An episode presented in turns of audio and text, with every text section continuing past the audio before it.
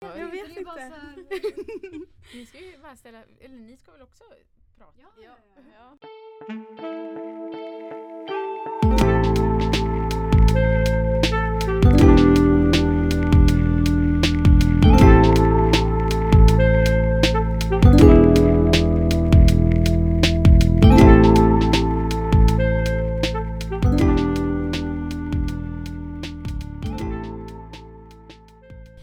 välkomna till Empati UFs andra avsnitt. Vi tänkte börja med att säga vart vi är och vi befinner oss just nu på Clarion Hotel Sign i deras fina podcaststudio. Och eh, idag har vi en väldigt speciell gäst här. Vår psykologilärare Marie. Hej! Hej. Och det vi kan börja med Marie är att du faktiskt skulle kunna presentera dig själv. Lite grann. Ja, ehm, ja, jag är då er före detta eller tidigare psykologilärare. Mm. Jobbar på Bromma gymnasium. Mm. Där jag har jobbat ganska länge faktiskt. Över tio år. Ja. Ja, det är tio år. Ja, det är det. Oj, det var ju länge. Ja. Ja. Men gällande, folk kanske inte vet så här, men du pluggade inte psykolog då? då? Nej, Nej. precis. Jag hade, ehm, jag läste ehm, psykologi som så här, fristående kurser hette det när jag läste. Mm. jättelänge sedan. Ehm, och visste egentligen inte vad jag ville bli. Från början ville jag bli psykolog men Mm. så eh, blev det inte den vägen. Så då pluggade jag psykologi ändå för att det var mitt stora intresse. Mm. Ja. Hur kom du in liksom på att du skulle bli lärare i psykologi? Alltså det där är en ganska svår fråga för de flesta när man frågar folk ja, men varför du, ville du bli lärare och då säger de så ja ah, men jag har sånt stort intresse för eh, barn och ungdomar Mm. och det här är så himla roligt. Och jag har faktiskt inte ett sånt svar utan Nej. det blir lite så här, jag valde mina två favoritämnen. Jag valde franska Mm. för att jag hade varit i Frankrike och ville ha bevis på att jag kunde prata franska så Mm. läste jag det. Ja. Och så ville jag läsa psykologi och då läste jag det. Mm. Och sen så var det så här, här Mm. står jag med två ämnen, vad ska jag Ja. göra? Ja. Ja. Och så hade jag jobbat lite som vikarie och så tyckte jag så här, nej men lärare är ju helt okej. Och så Mm. började jag där. Mm. Och jag är fortfarande kvar. Jag har Ja. snart jobbat i, jag har jobbat i 20 år. Oj. Oj. Mm. ja, du bara fastnade. Jag Mm. fastnade. Ja. Så blev jag kanske ganska bra på det men det är för att jag jobbar länge och sådär. Ja. Så, och så Ja. fastnade jag och så, ja. Ja, du, jag kan, ja, du är väldigt bra på det. Ja. Ja. säga. Tack. Ja. Men just nu eh, när det gäller skolan, då är ju alla i vårterminen.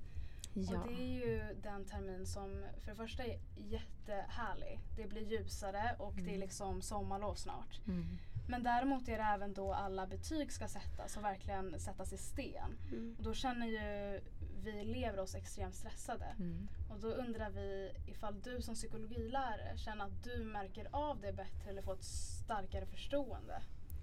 Att vi är stressade. Om det är någon skillnad liksom. Jag vet inte för att Alltså jag märker ju att elever blir mer liksom att det, det är så mycket som man ska få ihop. Mm. Ehm, och som sagt det är inte bara plugget och betygen som ska sättas utan det är jättemycket. En del Mm. alltså, har ju så mycket utanför vad gäller studentskiva och man, Mm. det är student, eh, ja, fester och allting. Ehm, så jag vet nog inte mer än att jag ser det som lärare, eller vi ser det, jag och mina kollegor, att det är väldigt mycket. Mm. Eh, Men sen det är klart att eftersom jag undervisar mycket om så här stress och, Mm. och sådär så klart att jag kan se det mer hos elever men jag vet inte om jag Jag vet inte om jag vet Nej jag vet inte alltså Nej. Ja nu Det är ju svårt att se bara sådär också. Mm. Ja Mm. Men tror du typ så här att på grund av att du är en psykologilärare att du typ kan hjälpa dem bättre? Att du förstår mer liksom hur de... För att ha kunskaper Mm. i psykologi. Jo, ja kanske men det kanske Konsekvensen blir nog snarare att när elever har mycket att göra, att det kör ihop sig med prov och sådär Ja. Mm.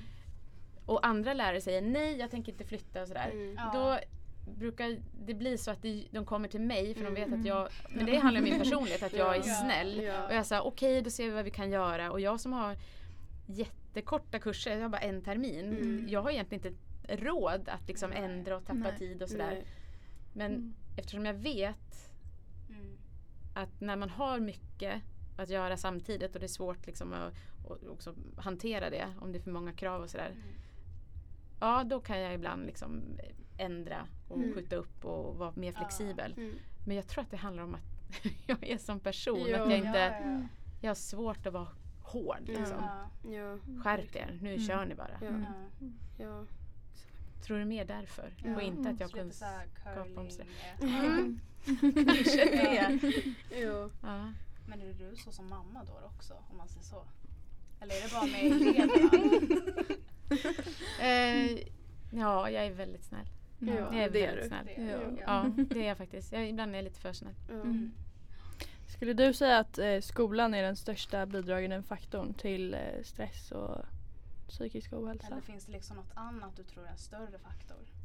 Jag tror att skolan är en av de största. Men Mm. problemet är att de inte riktigt har ehm, för när man, man läser såna här rapporter från Folkhälsomyndigheten Mm. och Mm. andra ställen eh, så brukar det vara ja det är, skolan är en faktor och eh, arbetsmarknaden är en faktor och eh, digitaliseringen är en faktor, globalisering och så vidare. Men det de inte kan säga, liksom sätta fingret på, det är vad är det inom skolan som är problemet. Mm. Mm.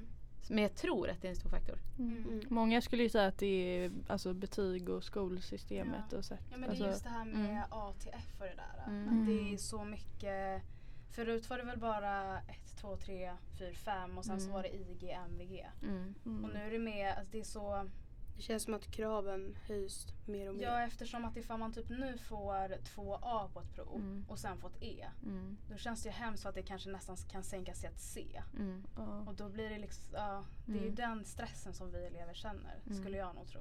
Mm. Ja. Jo, men hela betygssystemet är ju väldigt otydligt. Det är ju Mm. otydligt för oss Mm. lärare också. Ibland kan man ju sitta med en sån här formulering i kunskapskraven och, och Ja. Jag kan inte förstå vad de vill, vad de, Nej. vill de som har Mm. skrivit det här. Jag förstår inte, liksom, har de ens undervisat? Liksom, hur ska jag ens Mm. ta reda på det här? Ehm, så det är det ena, att det är otydligt. Och då blir det Mm. såklart otydligt för er. Och sen det där då att man kan få A på vissa områden och så E på ett annat. Det är ju lite fel för det är ju inte egentligen tanken att det ska vara så. Utan Mm. Man måste ju se man måste försöka se helheten och sen så om man ser att om det är en elev som ligger väldigt högt hela tiden Mm. och så lågt på något annat då måste man ju på något sätt hitta en möjlighet för den eleven att kanske Mm. lite informellt visa Ja. att jag kan faktiskt högre. Alltså, Mm. Jo. Så jag tror att, att bara följa liksom, är du där på A och där på E och så Mm. ja, då når du bara D. Alltså, Mm. det, det är lite väl, alltså att man, man följer Ja. liksom texten lite väl mycket. Mm. Jo, men det är också den här rädslan när vi unga känner stressen i skolan. Och så får vi exempelvis jättebra betyg när vi väl mår bra. Ja. Men sen så har man oftast kanske en svacka någon period att man mår lite sämre. Och det påverkar ju betyget. Mm. Mm. Och då mår man ju ännu sämre när man ser det när man får sina betyg. Mm. Och det är också det som Mm. är superjobbigt. Ja. ja, det kan jag förstå. Mm. Och just det här att det är kursutformat Ja, system. exakt. Att man kör också. Precis Mm. varje. Ehm, jo men det är en, alltså jag tänker när jag gick i skolan, när era föräldrar, de är typ samma ålder som jag. Mm. Att Ja. Man jobbade i skolan och så gjorde man sitt bästa Mm. och sen så fick man ett, ett betyg och så var det jaha, ja, det här var kanske inte det jag Mm. ville men ja, jag gjorde mitt bästa. Och så, Men vi hade ju det här relativa betygssystemet med 1 till 5. Mm. Så man jämfördes ju mycket med sina klasskamrater, vad Mm. de presterade. Mm. Så jag tänkte liksom aldrig riktigt Nej. på Nej. att nu ska jag prestera den här kursen utan som till exempel i svenska som det var ämnesbetyg då, då var det ju mer att ja, man jobbade ettan, tvåan och så var man trött i tvåan för det var så mycket och så satsade man i trean, I trean, och så ja. kunde man komma ikapp. Mm. Ja. Och det finns ju inte idag. Men Nej. jag tror också att det inte idag är en sån medvetenhet hos er elever. Mm. Mm. Ni, det är som att många sätter upp så här, jag vill ha det där betyget i det här ämnet fast innan man ens har börjat ämnet. Mm. Man har Ja, ingen men aning om vad det handlar om. Jag Nej, väldigt ofta, typ min filosofi, jag bara men det Ja. ska jag få A i. Ja, men precis. vet Men du vet ju är. inte vad det är. Nej. Nej. Så man börjar ju liksom på F allihopa. Så man vet Mm. inte och så jobbar man upp sin kunskap sådär. Mm. Mm. Och den medvetenheten fanns inte när jag gick i skolan. Nej. Vi pratade aldrig betyg. Nej. Det känns ju som någonting som man pratar är rätt ofta om. Man ska Ja, ha bra ja, betyg. Ja, Liksom. ehm, F- Filippa och Cassandra är hemma hos mig igår. Ja. Och då kommer min lilla syster som är tio inspringandes med så här, eh, typ, ja, men sina betyg. Ja. Hon går i fyran och det är så här, eh, icke godkänt, väl godkänt, mycket väl godkänt. Och redan där får de ju en press. Hon, Mm. hon blev så här, och så har hon två liksom som är på en lägre nivå än Mm. resterande betyg. Ja. Och det skapar ju en stress redan nu Ja. hos henne. Mm. Men det, Ja. det, det, det ska jag höja senare Jasmin säger Mm. hon och får Mm. panik. Mm. Så det är, det är så synd att det startar vid en sån Mm. tidig ålder. Man Mm. får ju Mm. prestationsångest Mm. jättetidigt nu för tiden. Mm. Ja, det förstår jag. Men det är ju så höga intagningar också på om man nu vill plugga vidare. Sen Mm. krävs det ju en viss kunskap om Mm. vissa saker. Mm.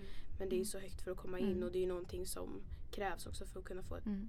bra arbete Mm. Oftast. Eller ett, ja.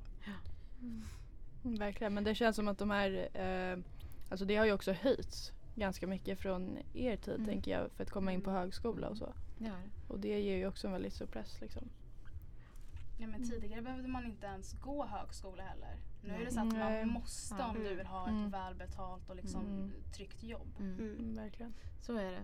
Jag har ju fler kompisar som inte har läst vidare på universitetet och inte har Nej. studiemedel eller lån, ingenting. Utan Mm. de har gått vidare och de har ganska höga positioner Mm. i samhället. Och Mm. sen så, Jo. idag kommer man ju inte så jätte... Det finns inte de jobben på samma sätt. Nej. Nej.